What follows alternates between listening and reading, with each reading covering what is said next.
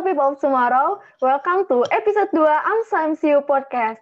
Di podcast kali ini, aku Sarlik dari Community Outreach AMSA MCU bersama Kak Arneta akan membahas mengenai sepak terjang selama menjalani preklinik di Fakultas Kedokteran. Nah, di sini sudah ada Kak Arneta nih. Halo Kak. Halo Sarah, halo teman-teman semua. Thank you so much for having me. Oke Kak, gimana nih Kak kabarnya Kak? Kabarnya baik, abis agak lumayan istirahat ya Bu satu minggu ini. Jadi kabarnya baik and feeling very good and feeling very fresh untuk ngobrol-ngobrol nih sore hari ini. Oh ya, tadi aku belum perkenalan, boleh nggak Salik kalau aku perkenalan dulu? Boleh banget Kak, perkenalan dulu Kak. Oke, okay, mantap deh. Oke, okay, hello people of tomorrow. Salam kenal kembali. Nama aku Helena Arneta Putri, biasa dipanggil Arneta atau Neta dari Universitas Indonesia angkatan 2018. Itu aja kali ya kenalannya. Baik, Kak. Nah, Kak, uh, seorang uh, Kakak ini kan seorang mahasiswa preklinik dan juga representatif AMSA Indonesia 2020-2021. Teman-teman boleh banget nih yang mau kontak langsung cek IG-nya di at Helena Arneta. Oke Kak, boleh nih Kak, kita mulai aja kali ya Kak buat ngobrol-ngobrolnya. Oke, boleh banget Sarli. Oke Kak, nah Kakak ini kan seorang mahasiswi preklinik di kedokteran nih Kak. Pasti setiap orang itu punya alasan dan motivasinya masing-masing nih. Kalau dari kakak pribadi apa sih kak alasan dan motivasi kakak untuk memilih FK kak? Oke, okay. um, sejujurnya kayak kalau cerita ini agak panjang ya jawabannya, tapi aku cuma jawab sesingkat-singkat mungkin. Jadi kalau misalnya dari aku sendiri, sebenarnya dari SMP SMA, I've always loved biology dan aku emang orangnya suka banget kayak human sciences and also dari dulu kayaknya ada jiwa ingin give back to society. Nah pada saat itu, um, pada saat aku duduk di kursi bangku kelas satu SMA grade 10 aku waktu itu kan um, saya waktu itu sekolah di uh, sekolah yang mendapatkan kurikulum international baccalaureate. Nah kebetulan di situ sebagai salah satu project di akhir middle years program atau kayak kind of like SMP aku, saya waktu itu mendapatkan kesempatan untuk melakukan sebuah project di mana I could do basically anything and everything that I wanted. Nah, karena waktu itu saya sudah ada sedikit nih ketertarikan di dalam bidang medical, waktu itu aku approach uh, sebuah yayasan yaitu Yayasan Anyo Indonesia and Childhood Cancer Foundation di Jakarta, Indonesia untuk membuat project project personal project saya ini karena pada saat itu I could do anything dan waktu itu aku ngerasa pengen banget nih nge-explore dunia medical. Nah, jadi pada saat itu saat saya datang ke rumah singgah Yayasan Anyo Indonesia atau Rumah Anyo ini I was very inspired by the children that I met and also the stories that I've heard and also the lessons that I've learned. Karena di situ aku belajar banyak banget sih dari anak-anak yang aku ketemu. Dan dari situ aku terinspirasi untuk pada saat itu kayak menulis buku judulnya Letters to the World that tells the stories of those children um, who battle cancer. So that was kind of my journey sih di awalnya untuk benar-benar memantapkan diri aku, aku mau jadi dokter. Karena dari pengalaman itu, I learned so much and you know I realize kayak ternyata banyak loh hal yang masih kurang di Indonesia. There's a lot of things that we can do, a lot of things that still needs to be done, a lot of homework for all of us, khususnya buat anak-anak di Indonesia. Again, I've always been the type of person who loves children juga. Jadi kayak from that moment on, aku pas pulang dari my first visit to the yayasan, aku ngerasa kayak oh ini ini tujuan hidupku gitu loh. I wanna be a pediatrician gitu sih. Jadi mungkin kalau misalnya um, motivasinya yang ber, yang benar-benar mantap itu di sana. Tapi kalau interestnya udah ada dari dulu-dulu gitu sih mungkin, Sarlik. Oke kak, berarti banyak banget ya kak alasan dan motivasinya, apalagi ini kakak uh, alasannya tuh dari ingin membantu, apalagi kakak suka anak-anak juga ya kak. Iya, bener banget. Oke kak, nah di Indonesia sendiri kak, angka para pelajar yang mau masuk ke FK itu kan makin meningkat nih kak pasti butuh persiapan dan yang matang juga ya kak persiapannya. Apalagi kakak kan masuknya ke Universitas Indonesia yang sulit terkenal gitu di Indonesia. Apa aja sih persiapan dan tantangan yang kakak hadapi dan cara kakak mengatasi hal tersebut kak? Oke, okay, thank you so much untuk pertanyaannya. Jadi kalau misalnya dari aku sendiri, mungkin um, my case was probably a bit different karena aku datang dari um, sekolah yang programnya mungkin sedikit berbeda dari um, misalnya biasanya ujian SIMAK, SBMPTN itu sangat berbeda pelajarannya. Jadi itu tantangan-tantangan banget sih karena pertama-tama it was a big adaptation for me personally dalam segi cara aku belajar, tipe soalnya, the things yang bahkan bahan-bahannya itu sangat berbeda bagi aku sendiri. Jadi persiapan buat aku, aku harus banyak pelajari basic-basicnya karena kalau di sistem sekolah aku waktu itu aku nggak boleh ambil tiga IPA, jadi cuma boleh ambil dua. Jadi bayangkan aku kayak nggak ada basic-basic fisika sama sekali, ataupun matematiknya juga nggak bisa yang um, level yang kayak apa ya scientific math gitu kali ya. Jadi it was a big struggle for me untuk mengadaptasi dan untuk belajar dari segi bahan dan materinya karena kalau dari aku sendiri waktu itu um, it was a big jump sih dengan apa yang diminta dan dituntut di um, untuk apa namanya ujian-ujian untuk masuk ke dalam FK gitu kali ya. Jadi kalau misalnya dari aku sendiri sih it took a lot of hard work dan aku juga menyarankan teman-teman semua untuk belajar semuanya dan juga belajar sesuai dengan cita-cita dan harapan teman-teman. Jadi memang harus secara targeted ya karena kita juga memiliki um, mungkin beda ujian, beda apa pasti sistemnya sekarang juga udah berbeda. Itu juga memiliki materi-materinya masing-masing, tipe-tipe soalnya masing-masing, dan juga ujian-ujiannya masing-masing, dan itu bisa sangat berbeda dari uh, one thing that you want to another thing. So I guess yang salah satu hal yang paling penting menurutku adalah untuk benar-benar identify apa yang kita mau gitu. What is it that we want? Apa sih yang kita mau dapetin? Kita tuh mau masuk misalnya kuliah apa, mau jurusan apa, mau kuliahnya di mana, apakah di Indonesia atau di luar, itu pasti persiapannya sangat-sangat berbeda. So I guess first thing first itu untuk benar-benar identify what you want dan apa sih yang kita mau achieve apa sih target kita, apa sih yang kita harapkan. Karena dari situ persiapannya juga masing-masing akan sangat-sangat sangat berbeda. So I think it start from there dan juga jangan takut untuk nanya-nanya sama banyak orang, sama teman-teman, senior-senior, supaya kita juga lebih tahu dari orang-orang yang telah menjalaninya. Mungkin itu sih dari aku. Oke kak, jadi persiapan dan tantangannya itu apalagi persiapannya datangnya dari kita sendiri ya kak. Kita maunya apa, kita tujuannya apa, dan tantangannya pasti juga dari diri kita ya kak. Iya, benar sekali. Karena pasti beda-beda ya kalau misalnya kita punya target yang tertentu. Yang penting kita udah tahu dulu apa sih yang kita mau, believe in ourselves, dan kita tanya-tanya gitu. Karena pasti kalau dengan ngobrol-ngobrol sama banyak orang, kita dapat banyak insight dan banyak pelajaran baru. Benar banget, Kak. Nah, setelah kakak udah mengalami persiapan yang panjang nih, Kak, gimana sih perasaan kakak setelah kakak keterima di FK, Kak? Perasaannya I think I felt very happy of course pasti. Tapi there was also banyak perasaan takut kali ya very anxious. Maksudnya kita sebagai mahasiswa SMA masih mahasiswa lagi siswa siswi SMA dengan kayak culture budaya kita masing-masing tuntutan kita masing-masing sekarang kita udah masuk ke dunia yang baru. Jadi senang sih pasti for a moment nangis ya pasti. Tapi kayak it abis itu mungkin banyak anxiety-nya ya, banyak takutnya gitu, banyak worries-worries-nya gitu terkait ya kita mulai masuk ke a whole new world I guess gitu. Jadi happy, happy tears dan juga very very scared I guess. Mungkin itu untuk merangkum. Oke okay, Kak, Tadi kan kakak bilang kalau perasaannya tuh kayak kita masuk ke dunia yang baru nih kak, dunia yang lebih mandiri dan lebih bertanggung jawab nih kak. Nah perubahan-perubahan yang kakak alami nih setelah kakak masuk ke SMA lalu masuk ke kuliah nih kak, apa aja kak? Perubahannya sih banyak banget ya. Kalau misalnya dari aku sendiri, um, I think from my background juga was a bit different sama uh, nanti aku masuk ke kuliah mana. That itu adaptasinya juga in terms of nggak hanya dari segi akademis, tapi juga dari segi budaya gitu, culture of friends gitu. Bahkan kayak uh, people, orang-orang yang kita ketemu, apa yang mereka ngomongin, itu tuh bakal sangat berubah gitu. Dan aku ngerasa ini nggak cuma buat aku misalnya dari um, sekolah yang dengan kurikulum yang berbeda, terus masuk ke misalnya ke uh, ke universitas gitu, tapi juga bisa buat teman-teman yang misalnya pindah dari daerah ke kota atau ke mana, or just simple changes in general kalau menurutku ya untuk pindah dari uh, jenjang uh, high school ke university itu benar-benar banyak banget perubahannya.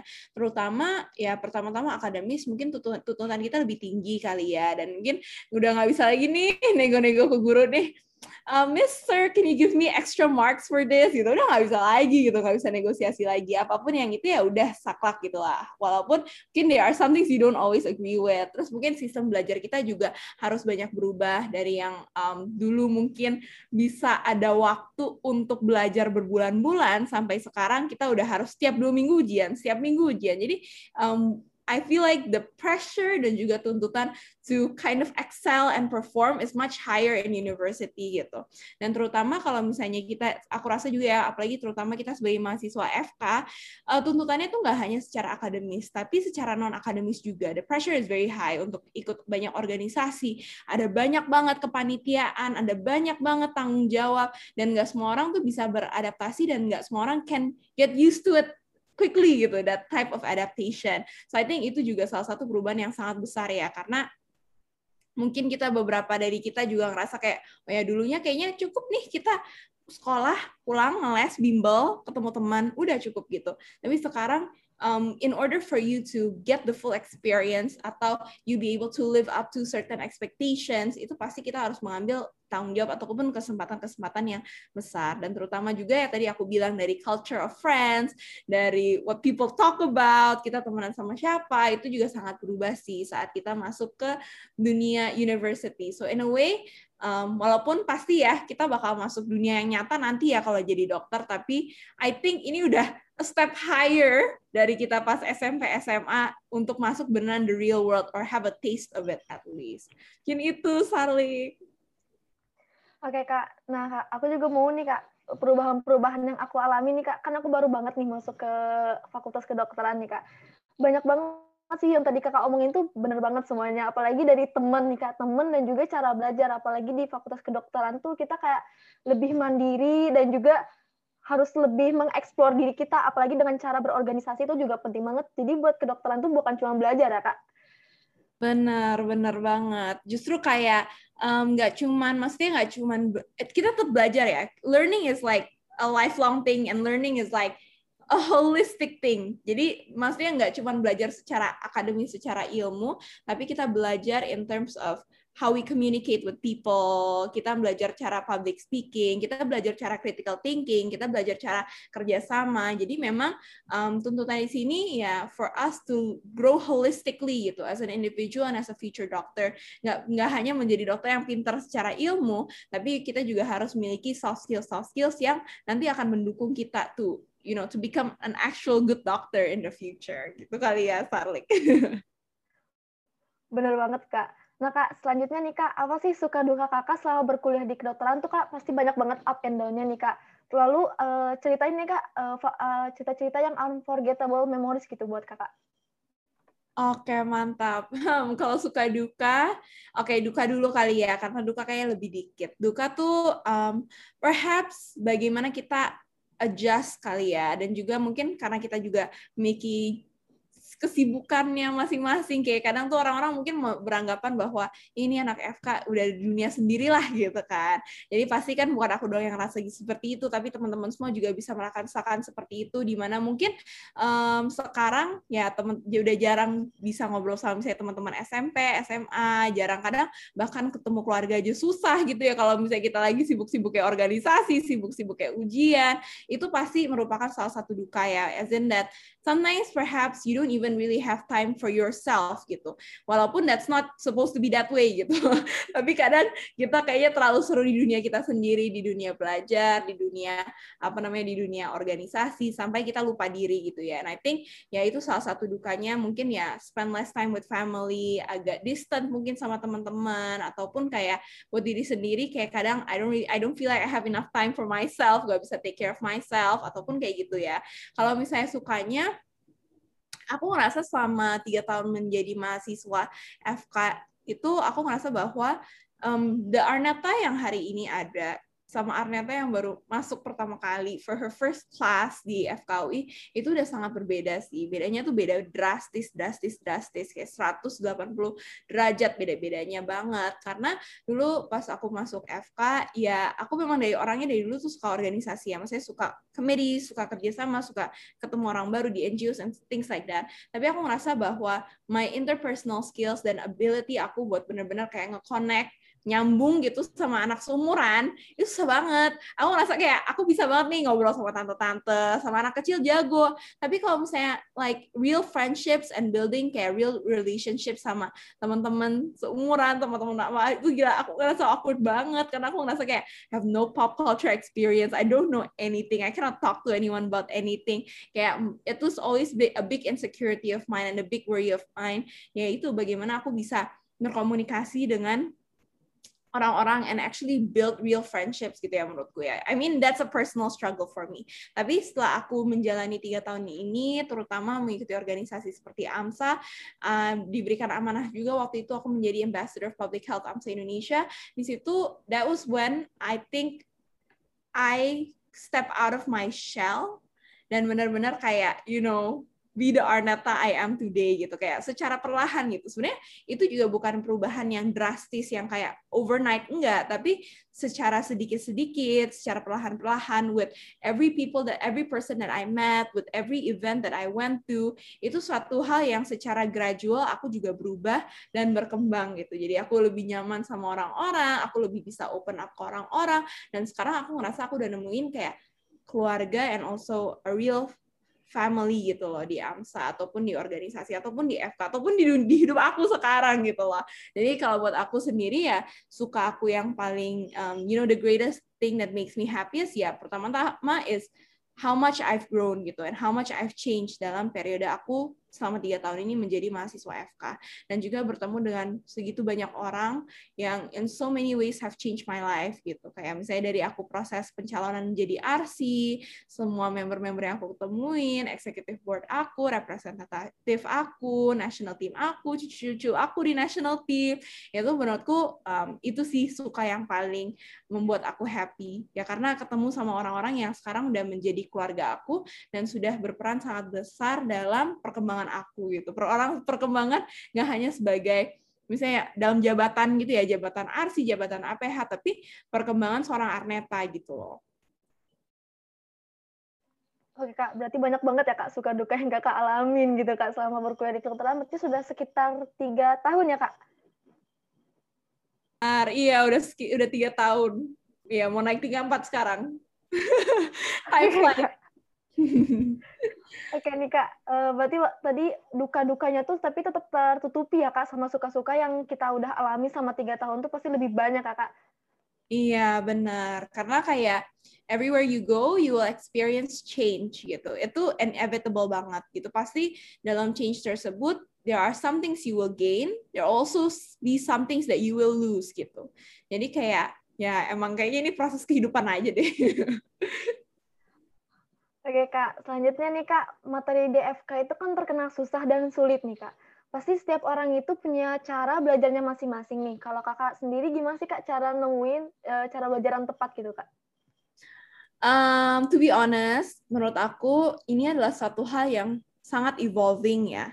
Jadi bukan berarti kita akan satu nemu satu cara yang akan cocok sama kita untuk selamanya. Tapi ini akan berubah dari kala ke kala, dari waktu ke waktu, dari tingkat kesibukan masing-masing. Itu pasti bakal berubah banget sih. Jadi kalau misalnya dari aku sendiri, um, aku dulu orangnya benar-benar harus nulis kalau belajar. Aku tuh nggak nggak akan hafal apa pun kalau aku nggak nulis. Jadi pas SMA catatan kimia aku, catatan biologi aku tuh nggak cuma satu copy, tapi aku bisa punya three copies of notes because I keep on rewriting and rewriting every time I have an exam supaya aku bisa nge-recall lagi, supaya aku bisa nge-remember lagi. Ya sekarang sama jadi mahasiswa FK ya berubah banget sih. Pas awal-awal ya pasti masih mendengarin recording terus semuanya catatnya dulu pakai kertas benar pakai kertasnya juga beragam. Kadang awalnya aku pakai buku tulis terus habis itu aku pakai kertas ya aku bolak balik terus habis itu habis itu nggak kuat lagi nulis semuanya. Akhirnya I got I went digital gitu. Jadi kayak memang sangat berubah tergantung situasi dan waktunya masing-masing. Uh, sekarang sih sama setahun terakhir ini nggak nggak sempet sih untuk benar-benar menjalani cara belajar aku yang yang dulu. Jadi menurutku ya it differs from person to person and from situation to situation. Jadi yang penting kita bisa sefleksibel mungkin aja sih. Jadi kita cari apa yang paling cocok buat buat kita dan jangan banding-bandingkan sama orang lain juga. Dan kalau ada waktu di mana harus berubah cara belajarnya, ya udah berubahlah gitu. Jadi kita jangan terlalu saklek karena itu nanti akan menurutku ya akan put added stress and added pressure to you gitu untuk kayak ya harus oh, aku nggak bisa nih belajar. Kalau nggak kayak gini aku nggak bisa nih nggak belajar. Kalau misalnya aku nggak nulis semuanya gitu. Nggak bisa kayak gitu. Tapi memang kita harus banyak beradaptasi dan banyak mencoba ya dalam cara strategi belajar itu. Karena ya aku yakin lah pasti dalam periode kita sebagai mahasiswa FK our level of like busyness and our priorities in life will shift gitu. Dan nggak bisa kita sama-samain. Jadi memang harus kita sangat adaptable dan yeah we try to find what works in that situation gitu kali ya Sally. Oke okay, kak jadi uh, buat cara belajar kita tuh pasti dari kita uh, dari diri kita sendiri dan juga gimana situasi kita saat itu ya kak. Sedangkan aku juga kak selama satu tahun di FK ini juga udah berapa kali ganti-ganti cara belajar nih kak. Soalnya waktunya itu kadang yang tidak sesuai dan uh, tidak tepat buat cara belajar kita yang kayak gitu gitu kak.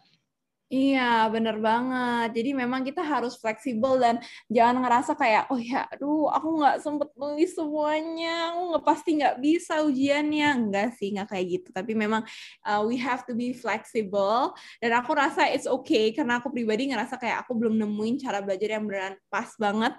Aku selalu kayak, oh ya, ini udah pas, this is my style, this is my way. And then kayak, a few months later something happen atau misalnya nggak sempet atau gimana, aduh berubah lagi berubah lagi gitu. Atau bukan karena waktu kita mungkin, tapi karena sistem pembelajaran yang berubah dari kampus kita atau apa kan pasti berubah gitu. Jadi memang kayaknya yang penting it's flexible for us and we find what works best for us at a certain moment in time gitu kali ya. Oke kak, nah kak tadi dengan cara belajar yang banyak banget kita laluin selama di FK itu pasti juga banyak ada materi-materi kuliah yang sulit dan yang kadang-kadang tuh bikin kita bosen dan keadaan di FK tuh kadang-kadang juga kita ada yang jenuh dan bosen gitu kak. Nah kalau kakak pribadi nih gimana sih cara kakak mengatasi rasa bosen, rasa jenuh kayak gitu kak? Oke, okay.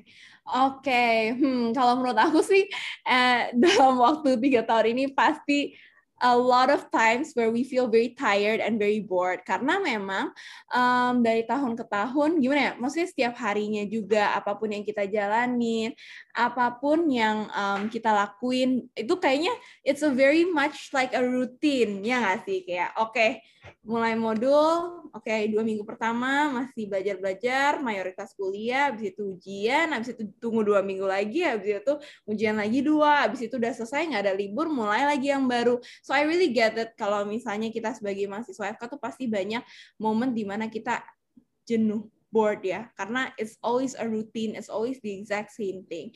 Um, kalau misalnya dari aku sendiri aku mengatasinya ya dengan kesibukan-kesibukan aku di kehidupan non akademik ataupun di organisasi gitu. Kayaknya aku bisa mati bosen kali ya. Saya kalau misalnya aku nggak ada organisasi gitu. Karena by doing organizationalized, misalnya um, teman-teman ikutan AMSA ataupun organisasi lain ataupun kepanitiaan lain, teman-teman juga mendapatkan kesibukan-kesibukannya. Jadi um, teman-teman juga ketemu banyak orang, teman-teman juga bisa have fun and and learn a lot gitu from all the different experiences that you get.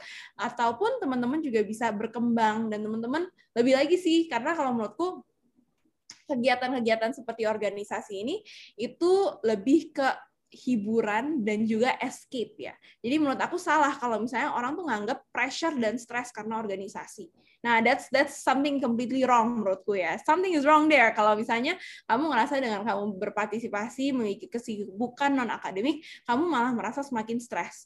Semakin stres, semakin nggak punya waktu, semakin apa pun. Karena gimana pun juga kita nggak pernah dipaksakan untuk misalnya untuk menjadi misalnya untuk ikut organisasi untuk kepanitiaan untuk misalnya kita menjadi anggota AMSA gitu it's never something that was forced upon us itu kan hak kita gitu. Dan jadi makanya kalau misalnya kita stres, kalau misalnya kita capek untuk ngikutin organisasi ataupun itu malah berdampak kepada mental health kita, we need to reflect and think again. Karena seharusnya organisasi ini adalah an escape, a place for you to have fun, a place for you to grow, not a place that tortures you gitu. Jadi kalau menurut aku ya cara aku untuk benar-benar kayak um, gak merasa jenuh di dalam kehidupan FK ini ya alasan aku organisasi gitu. And I think I've learned so much, gain so much dan di sini yang benar-benar aku kayak have fun gitu. Jadi walaupun kerjaannya banyak ya, hampir sepantaran nih sama akademik bahkan mungkin lebih nih ya kerjaan organisasi kadang lebih numpuk. Tapi kayak aku senang ngejalaninnya gitu. Jadi mungkin kalau teman-teman ada yang ngerasa stres ataupun uh, overwhelmed ataupun pressure karena organisasi, try to reflect gitu. Karena seharusnya nggak kayak gitu gitu. Seharusnya it makes you happy. Oke okay, kak. Nah pengalaman aku sendiri nih kak udah selama berarti sekitar enam bulan nih kak aku di AMSA. Itu tuh sebagai salah satu buat aku uh, menghilangkan stres di kuliah juga karena di organisasi AMSA ini juga aku kan pasti banyak belajar dari kakak-kakak tingkat dan teman-teman berlatih buat jadi moderator, jadi pembicara dan itu tuh sebuah pengalaman yang baru juga dan itu kadang-kadang nggak didapetin sama di perkuliahan. Jadi uh, untuk organisasi ini juga penting banget sih kak menurut aku. Iya, benar banget. Karena di sini kita dapat networking yang I think as medical doctors we cannot live without. Kita juga dapat networkingnya tuh nggak cuma sama teman-teman, yang nggak cuma sama misalnya nih kamu ngobrol sama narasumber, kenal sama dokter, tapi within ourselves gitu, as medical students and as future doctors, this is something that we need. Dan juga yang nggak tahu sih, buat aku seru aja gitu. Oke nih Kak, Kakak kan aktif banget nih Kak di organisasi tadi kan, terutama di AMSA ya Kak. Gimana sih Kak cara Kakak bagi waktu antara belajar untuk ujian, tugas, praktikum, dan juga uh, me Kakak tadi salah satunya tadi organisasi ya Kak? Iya, oke. Okay. Um, cara bagi bagi waktu, um, kalau misalnya ini, ya I think it's ya emang as as medical students, anak-anak FK pasti yang utamanya adalah pasti akademik kan, apa pun itu. Jadi yang penting teman-teman juga pastikan bahwa whatever it is that you do, you don't suffer academically dan juga teman-teman masih bisa maintain gitu. Tapi sebenarnya ini kembali ke orangnya masing-masing ya. Gimana kita memiliki skala prioritas itu menurutku ya skala prioritas sebenarnya berubah-berubah. It's something that changes every hour, every day. Tapi itu bukan suatu hal yang kita emang harus oh saklek kayak gini gitu loh. Sometimes there will be times yang di mana aku harus memprioritaskan AMSA. Ada waktu di mana aku harus memprioritaskan keluarga aku. Ada waktu di mana aku harus prioritaskan belajar. Ada waktu di mana aku harus memprioritaskan diri aku sendiri.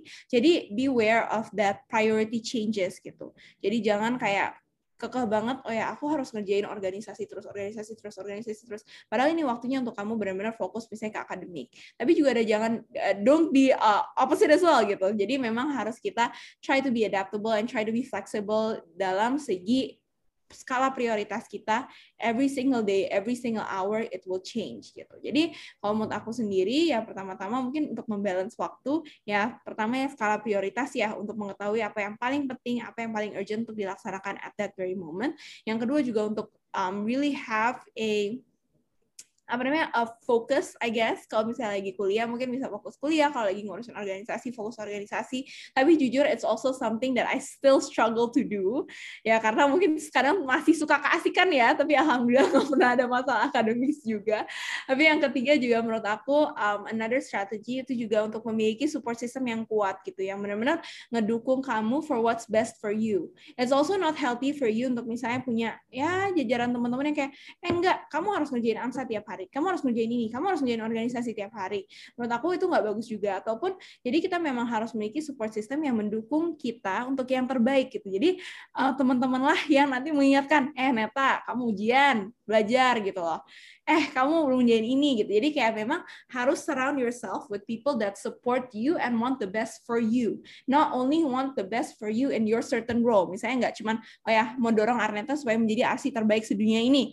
Tapi enggak harusnya uh, teman-teman yang real yang genuine adalah teman-teman yang bakal ngebantuin kamu untuk menjadi the best version of you gitu loh. In your holistic life mau itu secara akademis non akademis ataupun keluarga. Jadi I think kalau dari aku sendiri sih aku sangat bersyukur karena dalam beberapa tahun ini, terutama dalam satu tahun ke belakang ini, I really had that good support system gitu. Jadi nggak hanya dukung aku dalam segi ngerjain organisasi, tapi juga nelfon-nelfon aku, bangunin aku, ingetin aku belajar kali ya gitu.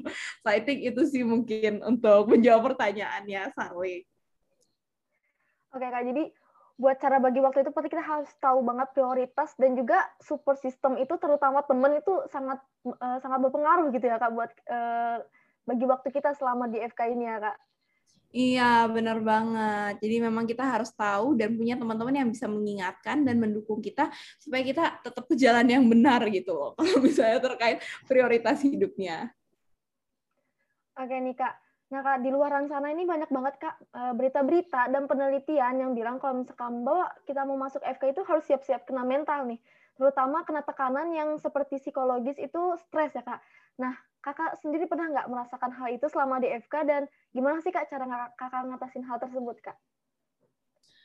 Um, kalau misalnya dari aku sendiri, I think that's something that's very inevitable karena memang the as I've mentioned tadi tuntutan kita tuh sangat tinggi ya, nggak hanya untuk akademis juga udah tinggi banget dan juga susah banget gitu dan juga competition yang tinggi banget, pressure banget dari teman-teman semua.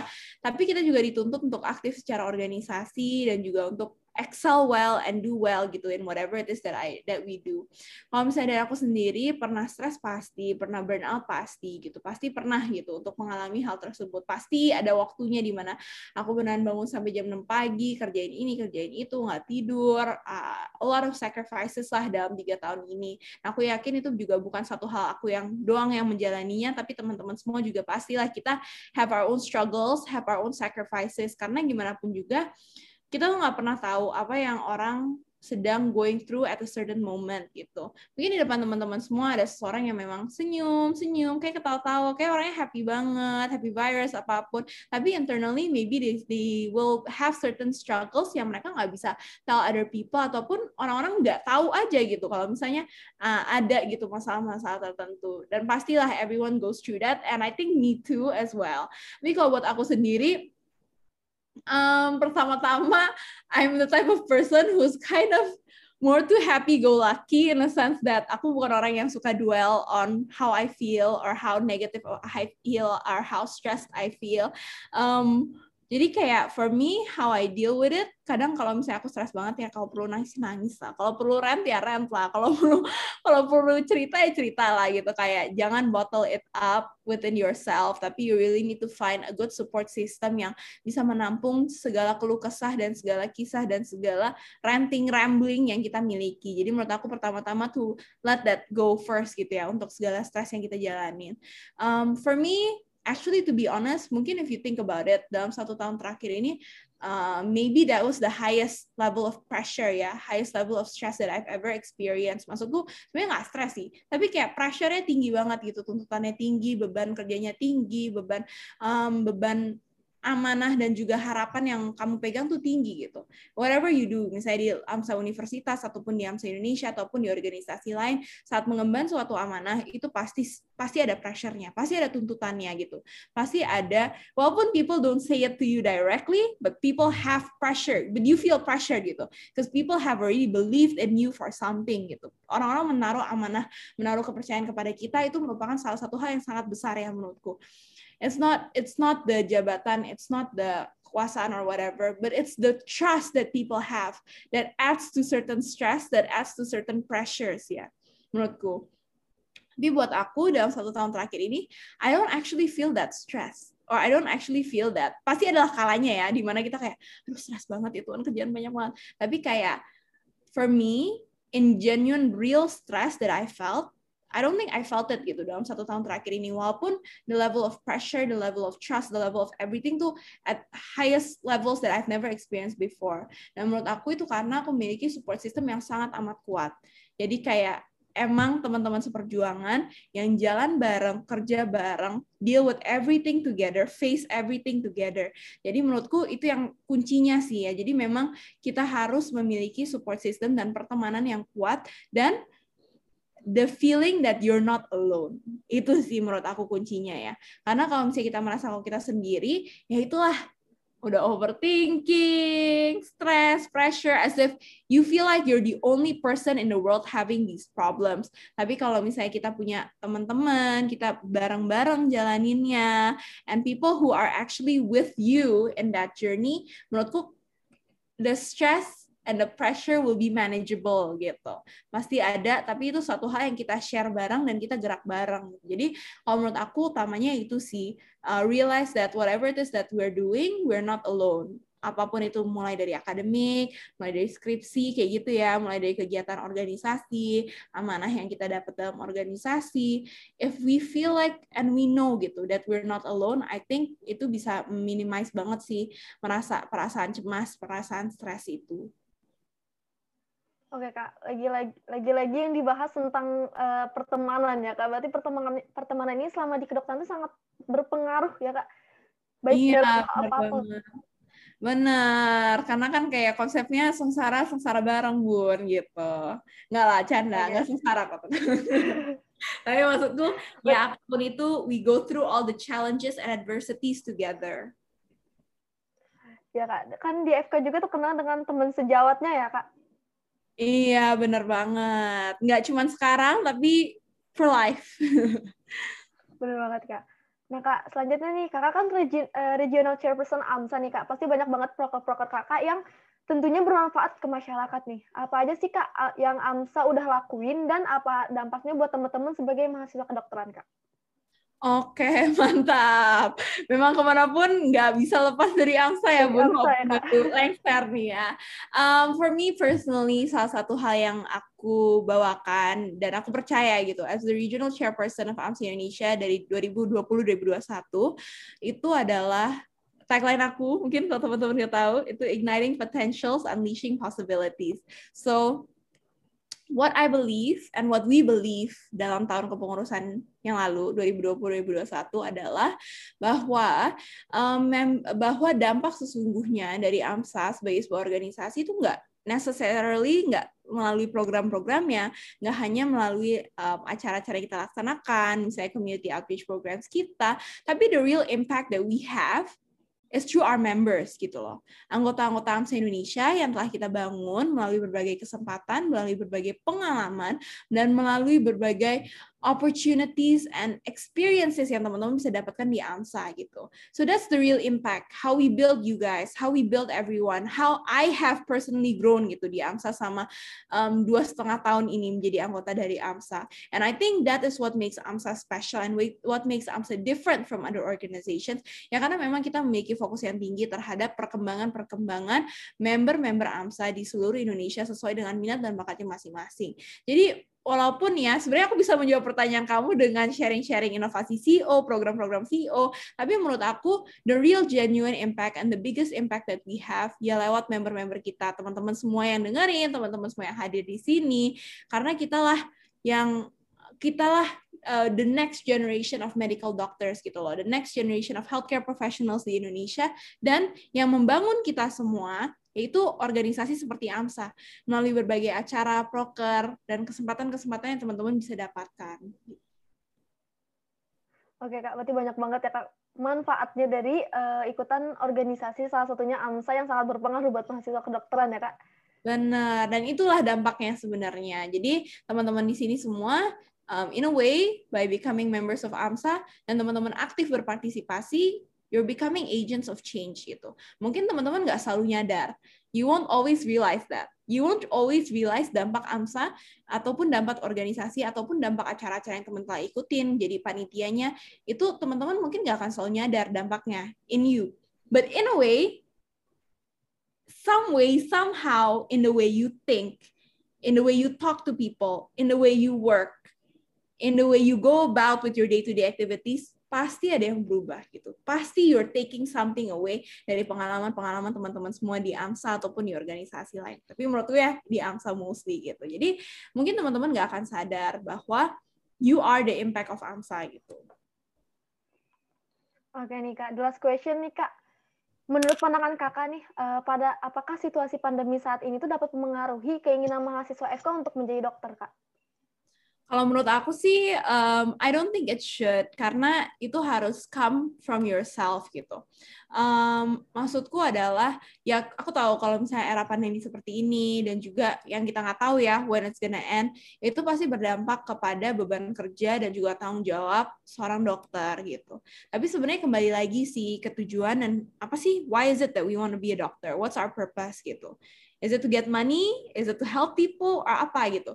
Kalau misalnya tujuan kita memang sudah sesuai dan memang tujuan kita adalah untuk membantu orang, to make a difference in the world, to be someone yang memang um, that cares for people, someone that saves lives, ya justru this is the best possible time gitu. Karena we're going through the world, Indonesia, the world everywhere we are, we're going through a struggle, a crisis, unlike one that we've ever experienced in our lifetime ya. It has experienced, it has been done, udah pernah terjadi many many years ago, tapi in our lifetime it has never been like this gitu. This is a pandemic that yang memang kita nggak pernah bayangkan bahwa akan seperti ini. Dan justru this is a time when doctors are needed the most. So if the person ataupun orang-orang memiliki tujuan yang tulus, tujuan yang memang ingin membantu orang-orang, ingin make a difference in the world, this is when you're needed the most. Jadi menurutku nggak seharusnya untuk mengubah kali ya uh, tujuan ataupun ya pandangan kita gitu loh terhadap tujuan ataupun goal ataupun cita-cita untuk menjadi dokter.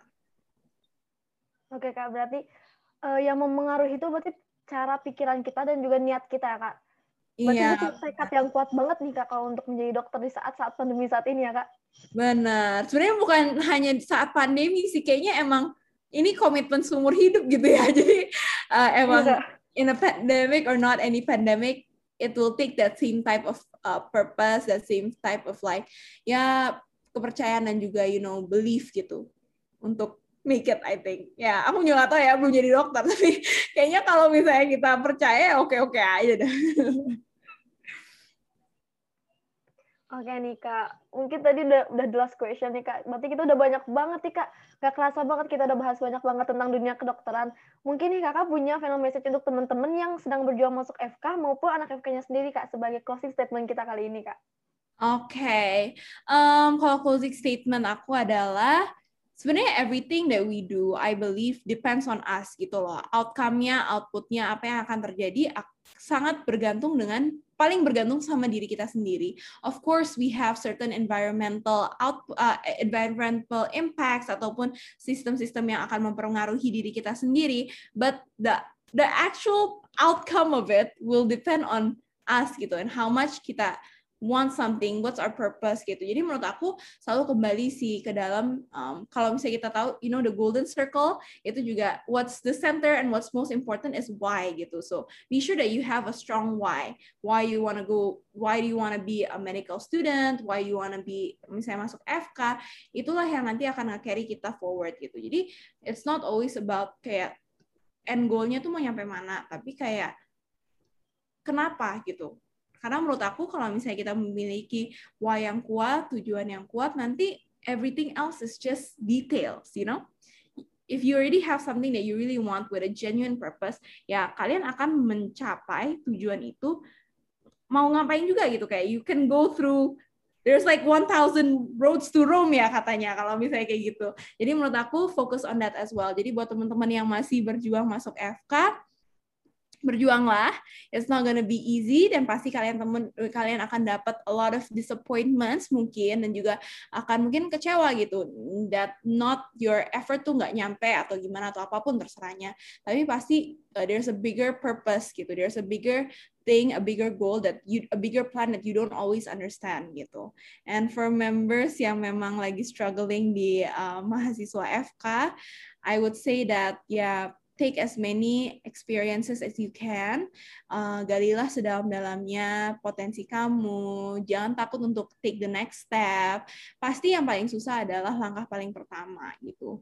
Tapi the moment you take that step, the moment udah benar terjun, it's gonna be much easier gitu. Dan kalian juga bakal realize bahwa people in this world are very kind, are very welcoming, are very open to you gitu. Jadi jangan takut untuk misalnya ngobrol sama orang, jangan takut untuk coba hal baru, jangan takut untuk take the next step misalnya dalam organisasi kamu, karena kalian benar-benar bakal di welcome ya. Menurut aku ya kalau pengalaman aku di AMSA khususnya, I've never been in a situation di mana aku nggak diterima gitu, ataupun orang-orang nggak baik sama aku, ataupun orang-orang nggak senyum back at me gitu. So don't be afraid, whatever it is, all that fear is in your head gitu. Tapi the moment you take that next step, kalian akan berubah dan kalian akan berkembang, and it's gonna be so much easier gitu. Jadi take that next step apa pun itu you don't know what's gonna hasilnya mungkin dapat nggak dapat atau hasilnya baik atau tidak baik tapi melalui proses itu aku yakin you'll be able to grow a lot and you'll be able to change a lot. Jadi nggak ada penyesalan sih. Aku setuju banget kalau misalnya the only regret yang kita bakal miliki dalam hidup adalah the regrets of the things that we didn't do and the steps we didn't take. Tapi kalau misalnya kita udah melakukan sesuatu, kita udah mencoba, udah try our best, kayaknya ya nggak ada satu hal pun yang yang kita sesali karena apa pun itu outputnya mungkin nggak semuanya sesuai dengan yang kita mau, tapi pastinya kita dapat suatu hal, dan menurutku apa pun yang terjadi itu udah jalan yang terbaik. Itu sih kayaknya dari aku, Sarlik. Oke Kak, wah terima kasih banyak nih Kak sudah meluangkan waktunya dan untuk podcast episode 2 dalam kita pada siang hari ini nih. Semoga podcast ini bisa memberikan informasi yang bermanfaat dan juga meningkatkan pengetahuan masyarakat tentang dunia kedokteran nih Kak. Kami dari Ansensiu juga berharap Kak Arneta dan para pejuang FK juga bisa terus berjuang, berjuang dan juga terus menjadi inspirasi banyak orang. So guys, kami pamit undur. Sampai jumpa di episode berikutnya. See you!